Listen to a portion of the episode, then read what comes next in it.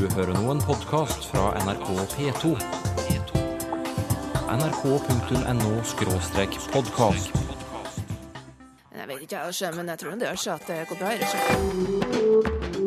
Du skulle ha vært en helt annen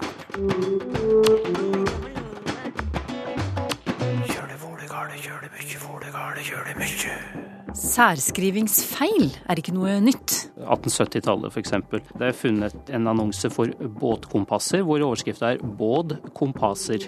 Jeg kommer snart blir til kommer snart. Er det slurv å droppe jeget? Jeg vil ikke kalle det slurv. Det er jo for det første veldig vanlig. Og hvorfor sier vi at vi karter sigaretten? Det kjenner vi også fra å skjære av utvekster på tre. Det å jevne ut en trestamme, f.eks. Jeg bare lurte på eh, Skrives iallfall i ett eller flere ord? Hva tror du? Eh, jeg tror det er i flere ord. Eller jeg vet ikke. Åh. Kan jeg prøve et ord til? Ja. I hvert fall.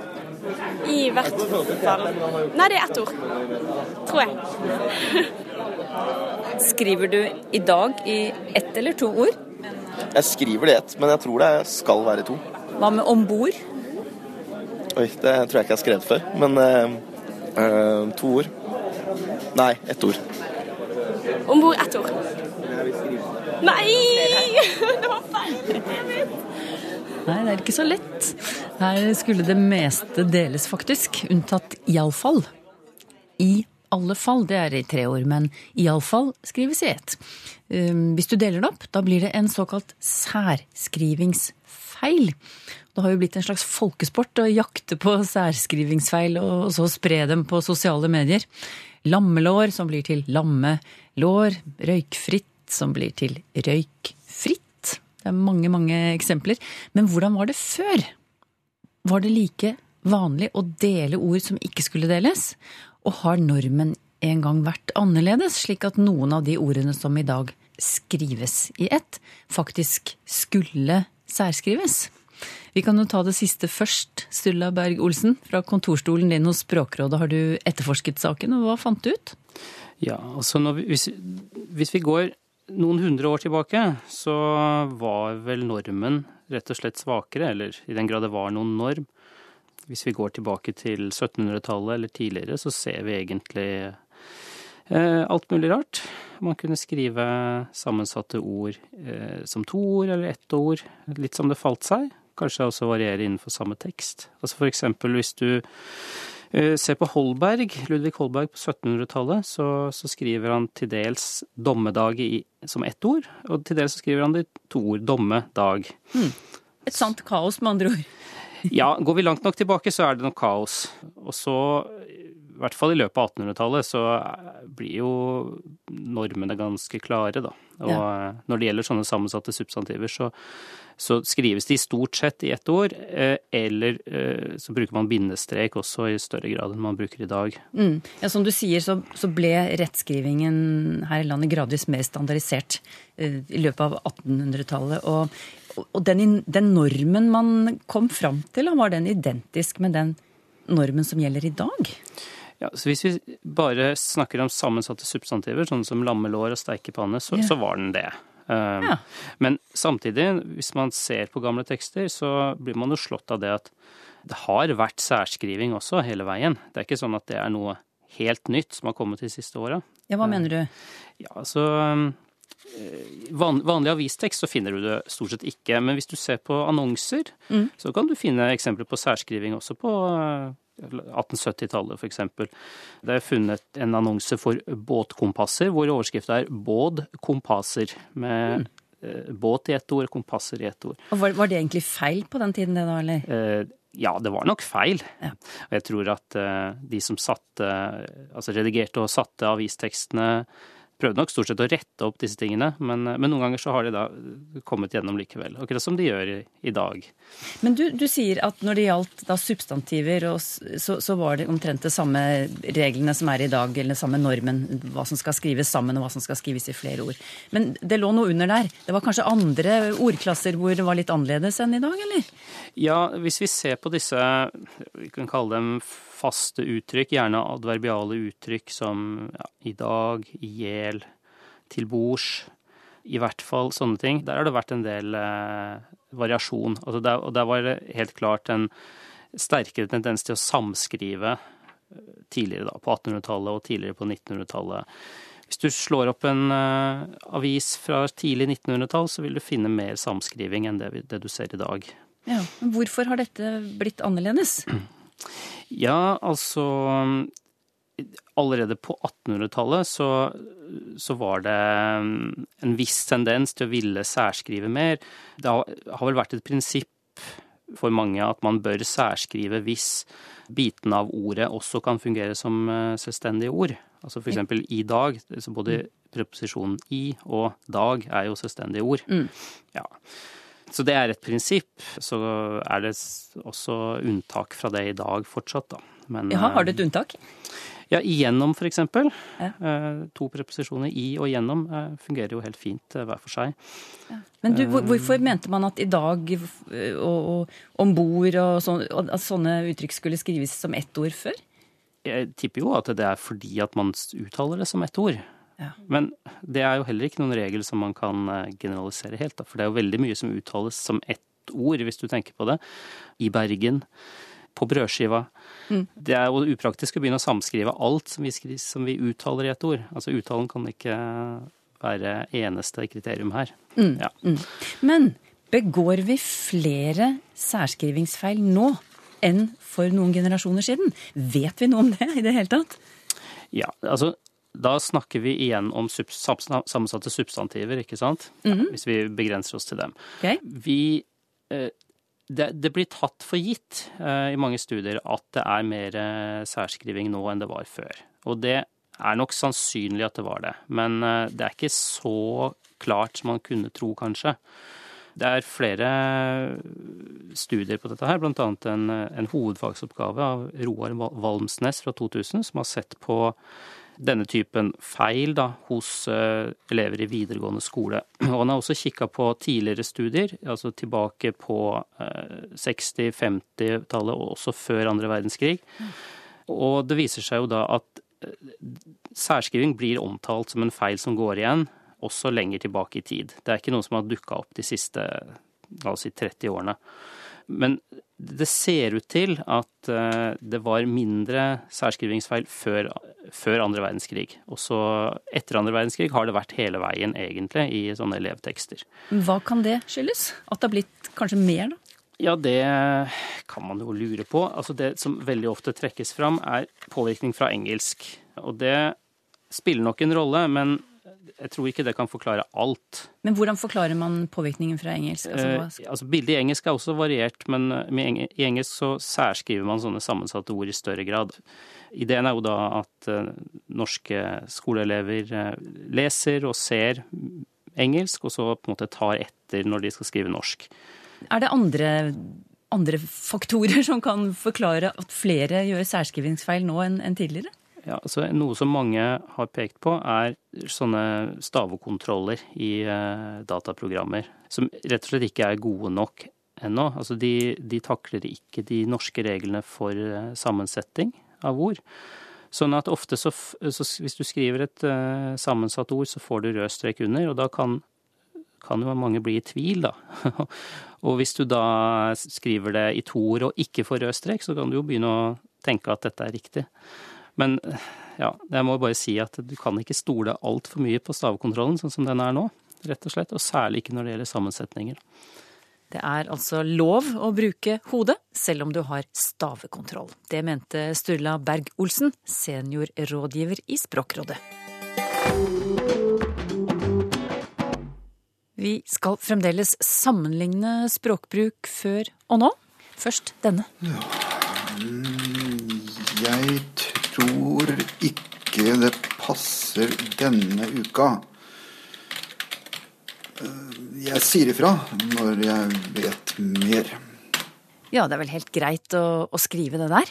Men hva hvis vi tar bort jeget først i setningen? Tror ikke det passer denne uka.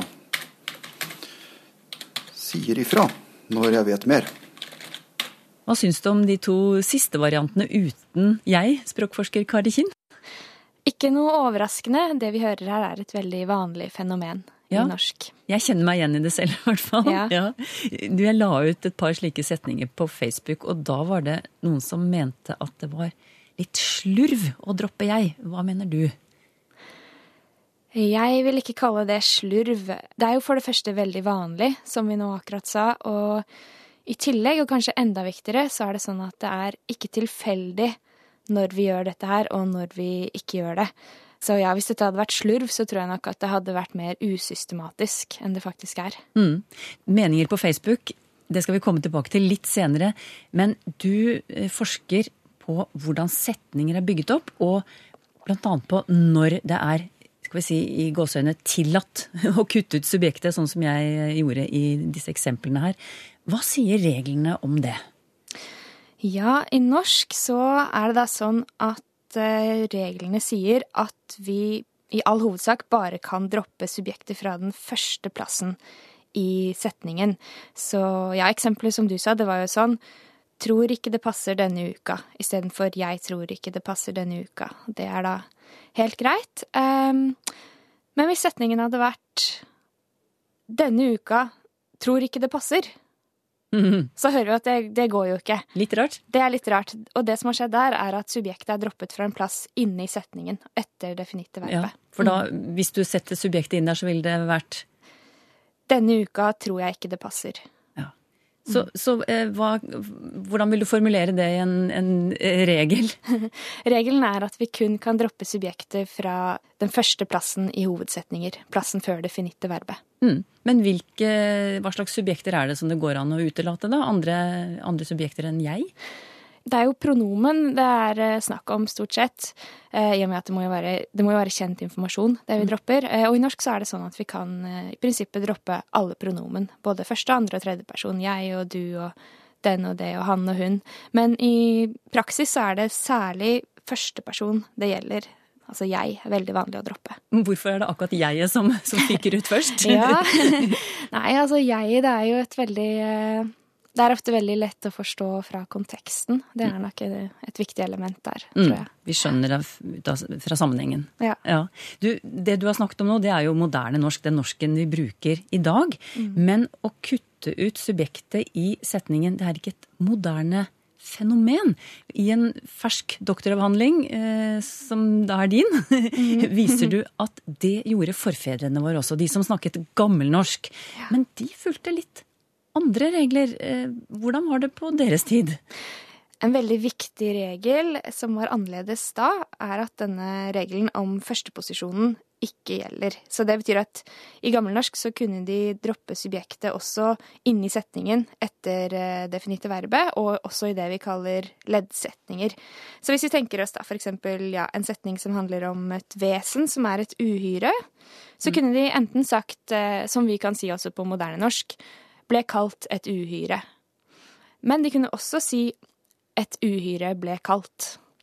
Det kan vi jo da ikke si lenger. Og hvis vi da tenker oss videre kanskje ja, en eh, person som hører historien om dette uhyret og ikke, ikke vet om han skal tro på det eller ikke, så kunne de sagt noe sånt som han visste ikke om var sant.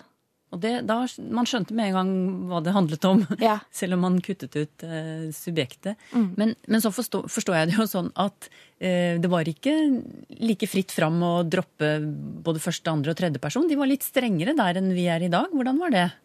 Eh, Ja, eh, det ser altså sånn ut i de tekstene som jeg har sett på, at eh, hvis vi ser på første og annen person, altså jeg og vi og du og dere, så er det veldig, veldig sjeldent at de droppes, hvis vi sammenligner det med hvor ofte de dropper tredjeperson tredje person i de samme tekstene. Og det er jo interessant, fordi i og med at det er så vanlig på moderne norsk. Så det er også en endring som ser ut til å ha skjedd. Ja, Så, så jeget, det skulle helst stå, stå urørt. Ja, det ser sånn ut. Ja, Litt overraskende det, kanskje? Mm. Men eh, jeg syns i hvert fall at det er veldig interessant å tenke på det at eh, det er i hvert fall ikke noen klar tendens til at vi dropper subjektet mer, eller at det er på en måte mer løssluppent for å droppe subjekter nå enn eh, det var før. I og med særlig denne her eh, restriksjonen om førsteposisjonen. At den da ikke gjaldt i, i gammelnorsk. Så på en måte har det blitt strengere, da. På en måte har det blitt strengere, ja. Ja. Absolutt. Men på den annen side litt rausere, for nå går det an å både kutte første, andre og tredje person. Ja. Mm. Men hva oppnår vi ved å droppe det subjektet som ja, i moderne norsk da skulle stått først i setningen? Det er nok en slags form for effektivisering, kan vi si, i og med at det som vi dropper, er jo noe som uansett kan forstås fra konteksten. Men samtidig så er det jo viktig å være klar over at dette skjer jo da innenfor veldig strenge rammer. Så ja, en slags effektivisering, men i gitte rammer. Ja. Noen, eh, for å komme tilbake til Facebook eh, igjen, da, som jeg startet med. Det utviklet seg jo en diskusjonstråd under disse setningene som jeg la ut der. Og da er det noen som også mener at det er slurv. Eller noe man ikke bør gjøre. Mm. Hva synes du om eh, det? Som sagt så vil jeg nok ikke se på dette som slurv. Jeg tror kanskje den forestillingen om at det er slurv, henger sammen med en sånn idé som som man kanskje har, om at det er da, ja Skriftspråket, og særlig, særlig litt mer formelle sjangere i skriftspråket, som er liksom målestokken for, for hva man bør gjøre. Men jeg tror det er viktig å huske på at talespråk og litt mer uformelle sjanger sjangere i skriftspråket, de er også De har også fullverdige grammatikker og klare regler, klare syntaktiske regler. Eh, Men så en teori da igjen fra denne Facebook-tråden. Det er blitt vanligere å utelate subjektet eh, etter at vi begynte å bruke Facebook, Twitter og SMS, er det en som tror. Hva tror du? Jeg tror nok ikke at reglene for når man dropper subjekter har endret seg så mye, men jeg tror kanskje at vi har blitt mer oppmerksom på det, og at vi også kanskje bruker de sjangerne hvor dette går an mer, da, i og med at vi bruker Facebook og Twitter mer, kanskje. Så det er nok kanskje mer at vi bruker den muligheten som allerede var der, mer, og at den blir tydeligere enn den var før. Det sa språkforsker Kari Kinn ved Universitetet i Oslo. Hun har skrevet doktoravhandling om hvordan reglene for å kutte ut subjekter har forandret seg fra gammelnorsk til moderne norsk.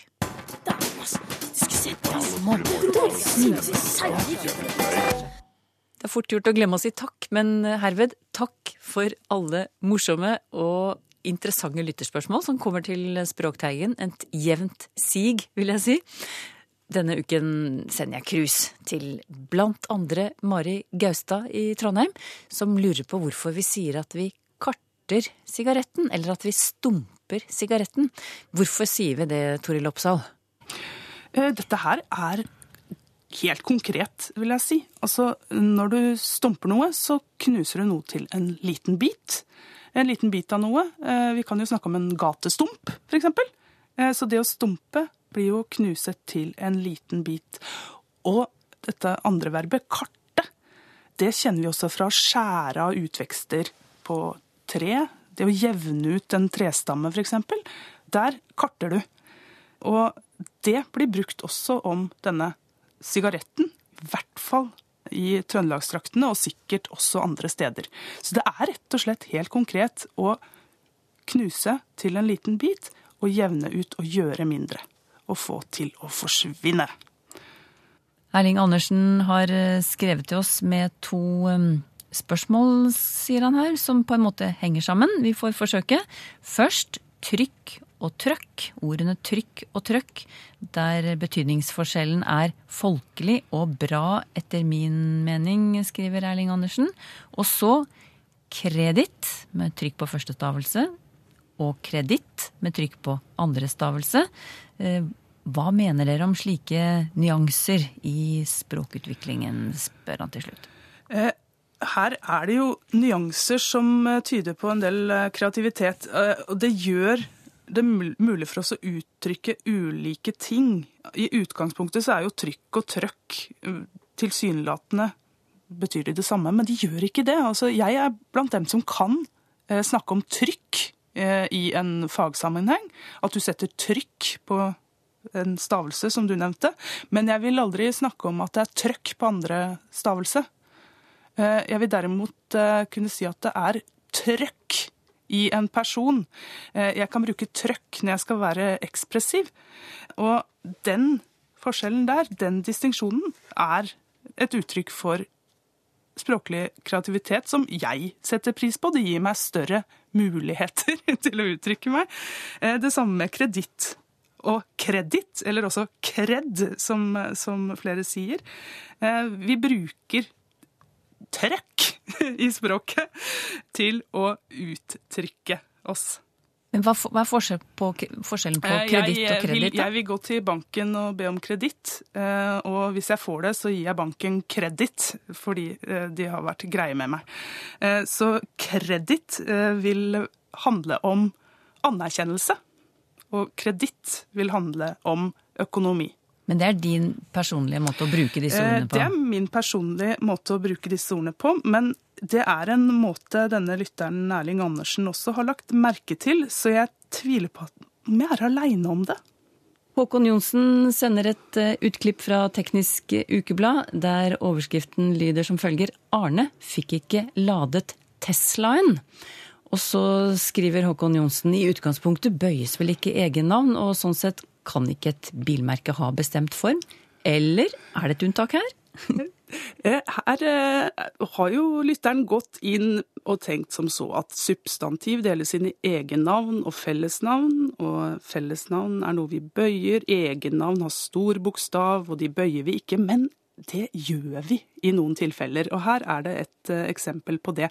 Det dreier seg om en del tilfeller der hvor vi snakker om eksemplarer, der vi snakker om noe som kanskje til og med kan oppleves som et artsnavn. Jeg husker Da jeg vokste opp, så hadde vi alltid minst to Thomaser i klassen, f.eks. eksempel. Eh, og det vil nok noen dra kjensel på. For ikke så veldig lenge siden så var det en feil i motoren på noen biler, og da kalte de tilbake veldig mange Toyotaer. Eh, Og her er det Arne som ikke får ladet Tesla N, og det er hans egen bil og ikke et hvilken som helst Tesla. Så her handler det om en form for spesifisering. Eh, Og så kan vi jo lure på om Toyotaen går saktere enn Opelen i dag. Så, så, sånn kan vi fortsette. Så, så, i- så i noen tilfeller så, så bøyer vi nok faktisk disse navnene. Jon Petter Vettre har et eh, spørsmål om verbet å bikke. Og han siterer noe han leste i Aftenposten i februar, og da handler det om kampen om å bli republikanernes eh, presidentkandidat.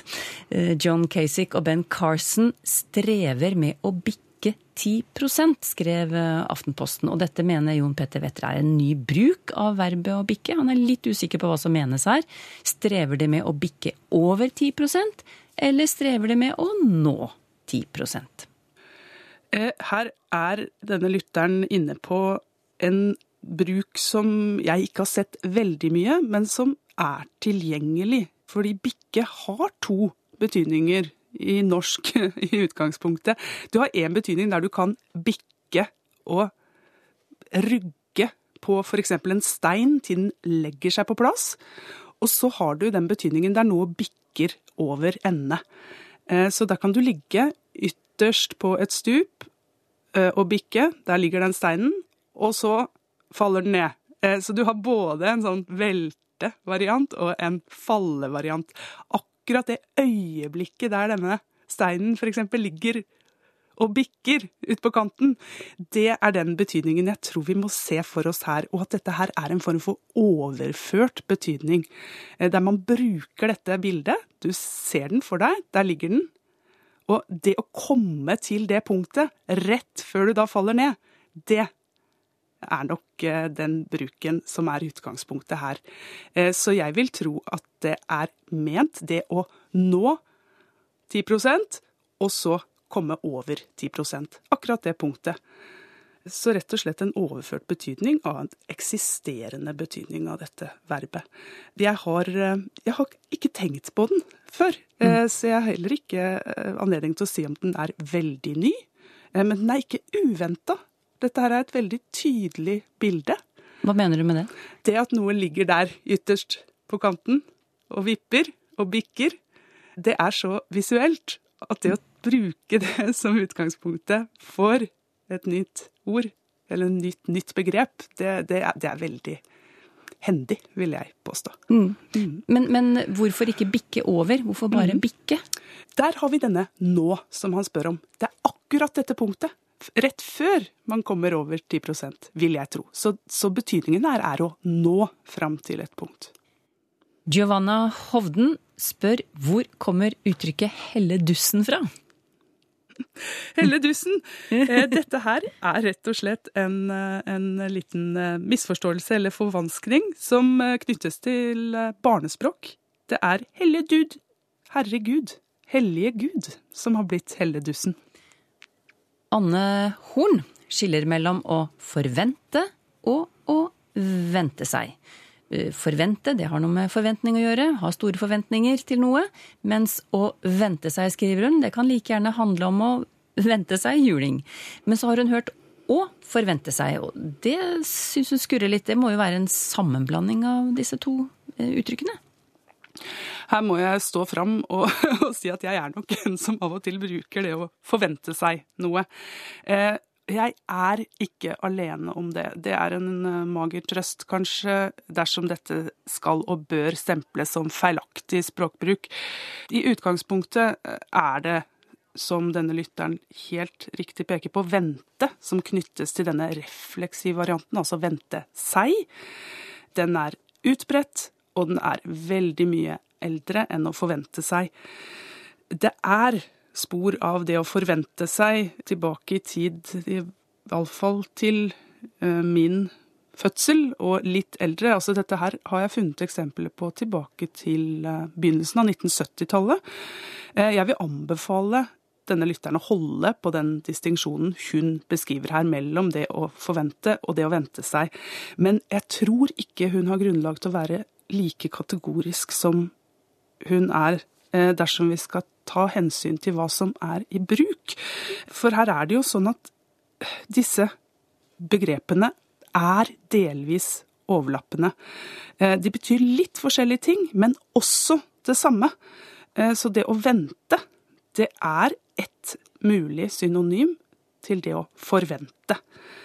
Men det å vente, det betyr veldig mye annet i tillegg.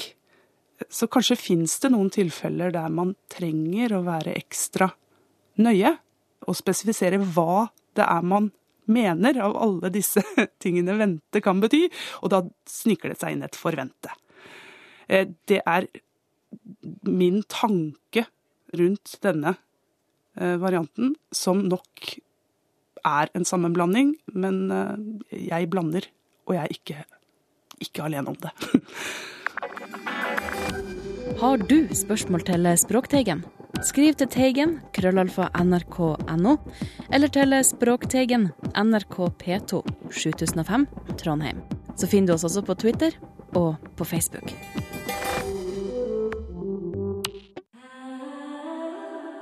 nrk.no podkast.